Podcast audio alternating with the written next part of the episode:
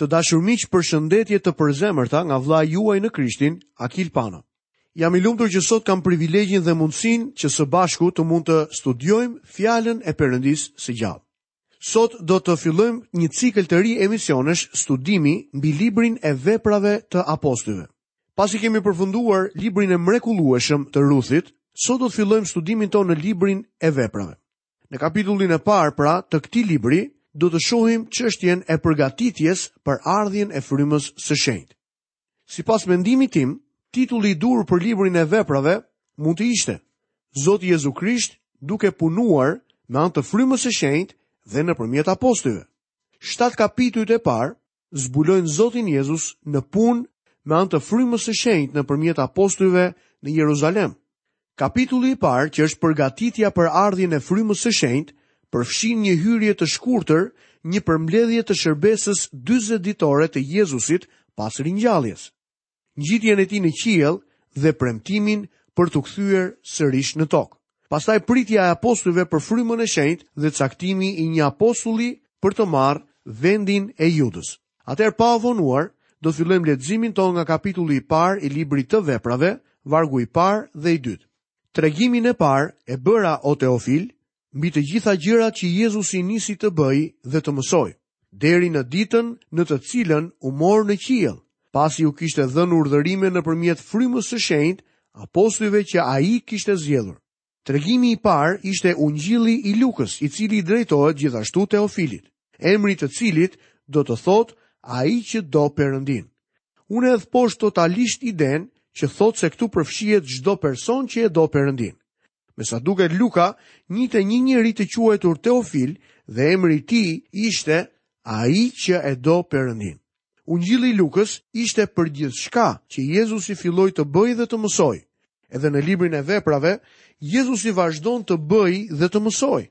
Ai sot vazhdon të bëjë të njëjtën gjë. Nëse mund të përdor këtë shprehje. Ai do të vazhdojë me këtë program aktual derisa t'i ketë nxjerrë të vetët jashtë botës, deri në ditën në të cilën u mor në qiell, pasi u kishte dhënë urdhërime nëpërmjet frymës së shenjtë. Kjo gjë na zbulon qartë se për shkak se Jezusi kishte shkuar në qiell, kjo nuk donte të thoshte se ai pushoi së mësuari dhe së bëri gjëra. Por tani, nga vendi i favorshëm në anën e djathtë të Perëndisë Atit, Jezusi vazhdon të punojë nëpërmjet frymës së shenjtë. Ashtu siç në ushtri, urdhrat pasoheshin nga njëri tek tjetri, kështu Zoti Jezu Krisht po vepron përmes Shpirtit të Shenjtë. Shpirti i Shenjtë vepron nëpërmjet apostujve dhe nëpërmjet nesh, në ditët e sotme. Kjo është deklarata e mrekullueshme këtu. Do të shohim për një moment shërbesën 40 ditore të Jezusit pas ringjalljes së tij. Doktor Luka përdor këtu një nga fjalitë e tij periodike që vazhdon edhe në vargun e 4. Shohim vargun e 3. Atyre pasi pati vuajtur, iu paraqit i ngjallur me shumë prova bindëse, duke u parë prej tyre për 40 ditë dhe duke folur për gjërat e mbretërisë së Perëndisë. Jezusi u paraqit i gjallë me shumë prova bindëse pas vdekjes së tij të tmerrshme. Pas ringjalljes së tij regjistrohen dhjetë shfaqje të Jezusit. Shërbesa e Jezusit pas ringjalljes, siç na zbulohet në paraqitjet e tij, ka një aspekt më të rëndësishëm në jetët e të krishterëve sot sesa shërbesa trevjeçare e regjistruar në Ungjijtë. Unë kam një libër të vogël që quhet Varri Bosh, i cili tregon për shërbesën pas ringjalljes së Zotit Jezus. Pali shpalli. Prandaj tash e tutje, ne nuk njohim më askënd sipas mishit, po edhe sikur ta kemi njohur Krishtin sipas mishit, nuk e njohim më ashtu. Unë dhe ti, nuk e njohim Jezusin sot si personi që eci në këtë tokë 2000 vjet më parë, por si njeriun të ngritur në lavdi. Ai ndodhet atje lart në këtë moment. Jezusi është i vërtetë. Sa shpesh e humb kisha nga sytë e saj këtë fakt. Kohët e fundit më erdhi një letër nga një person, i cili më thoshte se kishte qenë anëtar kishe për gjithë jetën e tij. Ai kishte kryer të gjitha ritualet dhe mendonte se ishte i krishterë. Pastaj duke dëgjuar fjalën e Perëndisë, mësoi se edhe pse kishte shkuar në kishë për kaq shumë vjet, As që e njihte Jezusin. Zbulimi i tij i mrekullueshëm ishte se Jezusi jo vetëm kishte ecur mbi këtë tokë dy mijë vjet më parë, por që sot është i gjallë dhe i ulur në të djathtë të Perëndisë. Ai erdhi te Krishti i gjallë dhe e pranoi si Shpëtimtar dhe Zot. Sa e mrekullueshme, apo jo? Jezusi iu shfaq atij i gjallë me shumë prova bindëse. Problemi i jobesimtarëve sot nuk qëndron me faktet, por me vetë mosbesimin e tyre. Faktet janë të disponueshme. Pyes veten nëse ka ndonjë person që dyshon se beteja e Vaterlosë ishte një ngjarje historike apo jo. Në të vërtetë unë besoj se Napoleoni ka jetuar. Besoj edhe se ka luftuar në betejën e Vaterlosë, por kam shumë pak prova për këtë. Në fakt ekzistojnë 10.000 herë më shumë prova për vdekjen dhe ringjalljen e Zotit Jezu Krisht sesa për betejën e Vaterlosë dhe megjithatë, ende ka njerëz që thonë se nuk e besojnë atë. Ku qëndron problemi? Problemi qëndron në zemrën mosbesuese. Tek njeriu gjendet një tendencë e natyrshme për t'u larguar nga Zoti, ashtu siç Adami bëri. Në ditët e sotme, njerëzit i kthejnë shpinën Zotit. Nëse je jo besimtar, problemi qëndron tek ti dhe jo tek fjala e Zotit. Ai e tregoi veten e tij të gjallë me shumë prova bindëse. Ti mund ta dish këtë nëse dëshiron ta dish. Problemi qëndron se nuk dëshiron ta dish. Problemi nuk është në mendje, por tek vullneti i çdo njeriu. Më lejoni t'ju them një koment për ringjalljen. Ekziston një varg për të cilin mendoj se është shtrembëruar disi. Zoti Jezu Krisht tha: Dhe unë kur të jem ngritur lart nga toka, do t'i tërheq të gjithë tek unë. Si u ngrit ai lart? Ai u ngrit lart në ringjallje. Ai u ngrit nga të vdekurit. Ky është mesazhi. Pavarësisht se sa shumë apo këndshëm flisni për Jezusin, mesazhi mbetet i njëjtë. Ai nuk ndryshon. Jezusi është ngritur nga të vdekurit. Ai është ringjallur. Arsyeja pse shumë vetë nuk janë tërhequr tek Krishti është se nuk u predikohet Krishti i ringjallur. Libri i Veprave e vendos theksin në ringjalljen e Zotit Jezu Krisht. Lexojmë vargun e katërt. Dhe duke u gjendur bashkë me ta, i urdhëroi që të mos largoheshin nga Jeruzalemi, por të prisnin premtimin e Atit që tha ai, e keni dëgjuar nga unë. Ky është fundi i fjalisë. Të katër vargjet e parë janë vetëm një fjali. Apostujt duhet të prisnin për ardhjen e frymës së shenjtë. Derisa kjo të ndodhte, ai i urdhëron ata të presin. Lexojmë vargun e pestë. Sepse Gjoni pagëzoi me ujë, por ju do të pagëzoheni me frymën e shenjtë mbas jo shumë ditësh. Jezusi i ringjallur iu shfaq apostujve dhe u dha atyre udhëzime. Ai u thotë se do t'u ndodhë diçka. Ata do të pagëzohen me frymën e shenjtë mbas jo shumë ditësh. Pagëzimi me frymën e shenjtë është premtimi i Atit dhe Jezusi ua kishte thënë atyre më parë këtë gjë. Është shumë e rëndësishme të theksohet që këtu nuk po flasim për pagëzimin me ujë, që është një pagëzim ritual. Ky është pagëzimi me frymën e shenjtë. Pagëzimi me frymën e shenjtë është pagëzimi i vërtetë.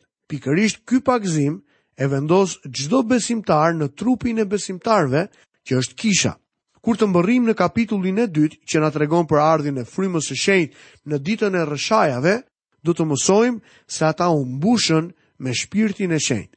Mbushja ishte e rëndësishme në mënyrë që të mund të shërbenin. Fakti që u mbushën me frymën e shenjtë për shërbim tregon se të gjitha shërbesat e tjera të frymës së shenjtë ishin kryer. Lexojmë vargun e 6. Kështu ata që ishin mbledhur bashkë e pyetën, duke thënë: Zot, a do ta rivendosësh në këtë kohë mbretërinë e Izraelit? Disa komentatorë, teologë, i qortojnë apostujt për këtë pyetje. Ata mendojnë se apostujt gabuan, Besoj se përgjigja që jep Zoti ynë na tregon se ata nuk bënë asnjë gabim. Pyetja e tyre ishte e arsyeshme, e natyrshme dhe Zoti iu përgjigj. Ai nuk i qortoi aspak dhe nuk e konsideroi një pyetje të marrë. Apostujt ishin rritur dhe ishin shkolluar në Testamentin e Vjetër. Ata kishin pritur për ardhjen e Mesias. Kishin kuptuar se Mesia ishte personi që do të themelonte mbretërinë e Perëndisë mbi këtë tokë. Kjo ishte shpresa e tyre. Ajo ende vazhdon të jetë shpresa për këtë tokë. Perëndia nuk ka mbaruar punë akoma me këtë tokë. Zoti nuk synon ta fshehë këtë tokë poshtë tapetit, edhe pse është aq e vogël sa mund të fshihet poshtë tapetit të tij. Ai nuk ka ndër mend ta bëjë këtë gjë. Perëndia ka një qëllim të përjetshëm për këtë tokë. Ata flisnin për Mbretërinë e Zotit, që përfshinte rithemelimin e shtëpisë së Davidit. Këto ishin gjërat që ai foli pas ringjalljes së tij. Ne shohim tek vargu i tretë që ai foli për gjërat e Mbretërisë së Perëndisë. Lexojmë nga vargu i shtatë. Por ai u tha atyre, Nuk ju takon juve të dini kohët dhe momentet e përshtatshme që ka përcaktuar Ati me autoritetin e vet. Ai u thotë atyre që mbretëria nuk do të themelohet në këtë kohë të veçantë. Për më tepër, ai do të thërrasë njerëzit me emrin e tij, kishën. Në kapitullin e 15 të Veprave të Apostujve, kur apostujt takohen për këshillin e parë në Jeruzalem, Jakobi thekson këtë fakt. Simoni ka treguar si i ka vizituar për herë të parë Perëndia johebrenjtë që të zgjedhë nga ata një popull për emrin e tij.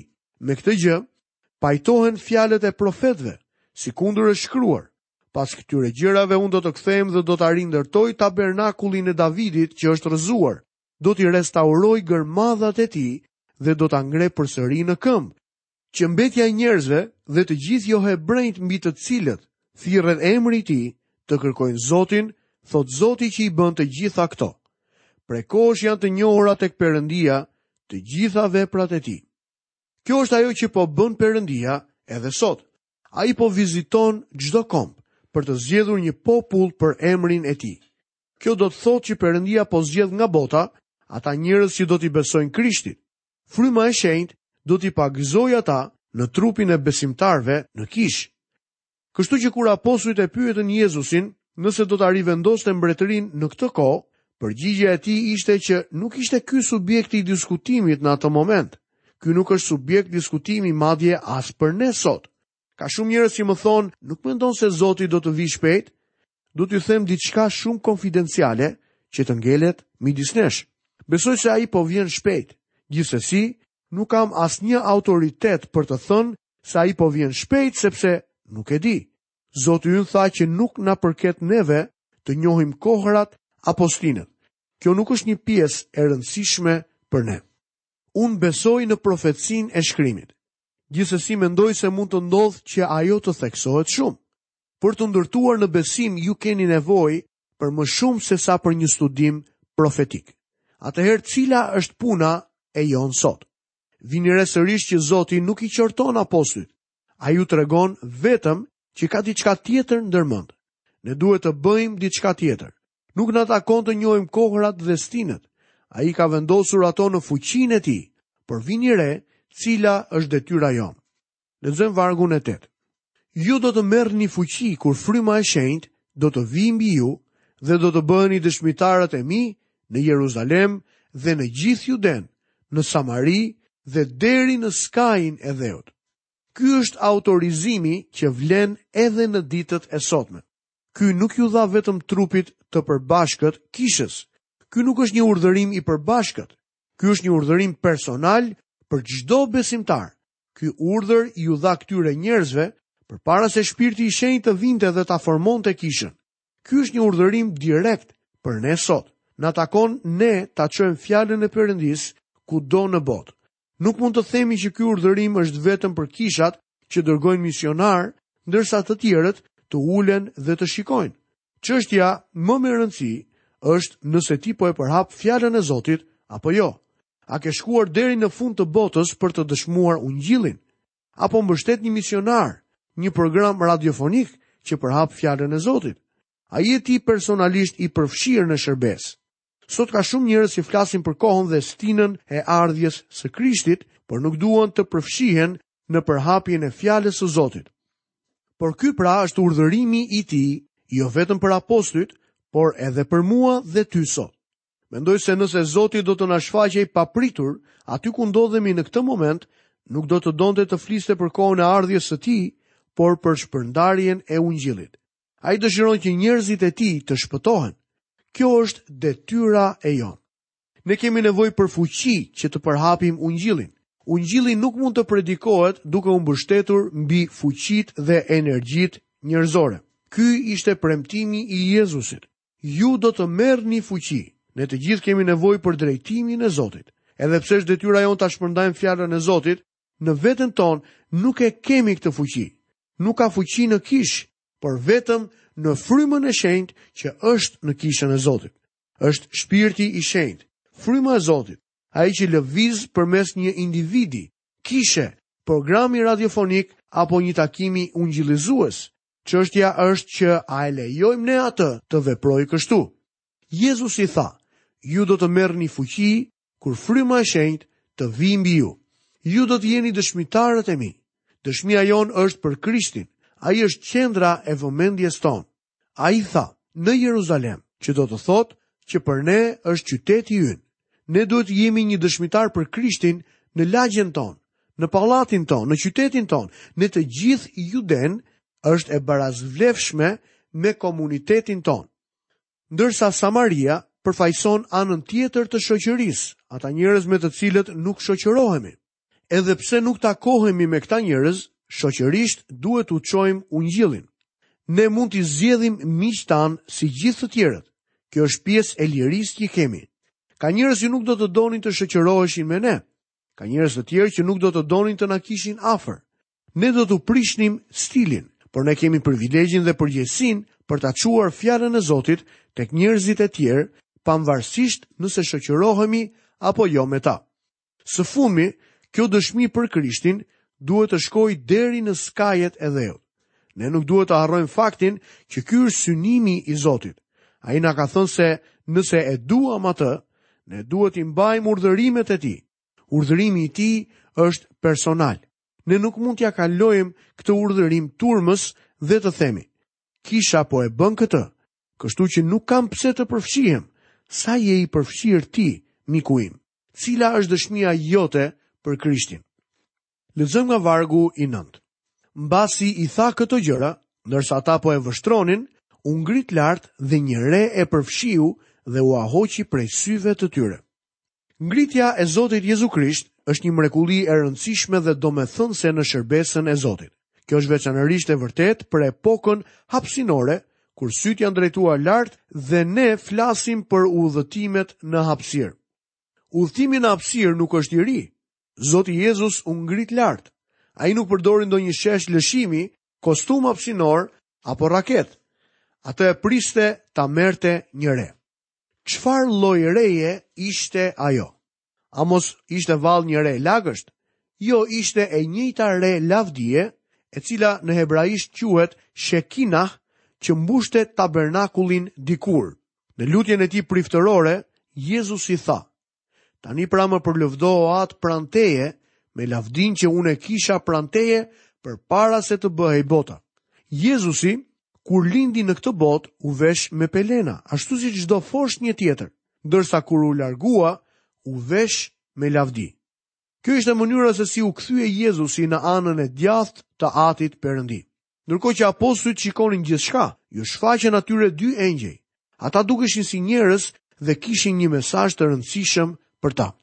Lexojmë vargjet 9 dhe 10 në kapitullin e parë të librit të Veprave. Dhe si ata po i mbanin sytë e ngulitur në qiell, ndërsa ai po largohej, ja, dy burra në rroba të bardha iu paraqitën atyre dhe thanë: Burra Galileas, pse qëndroni e shikoni drejt qiellit? Ky Jezus që u është marrë në qiell nga mesi juaj, do të kthehet në të njëjtën mënyrë me të cilën e keni parë të shkojë në qiell. Ky pra ishte Jezusi i lartësuar që u ngjit në qiell.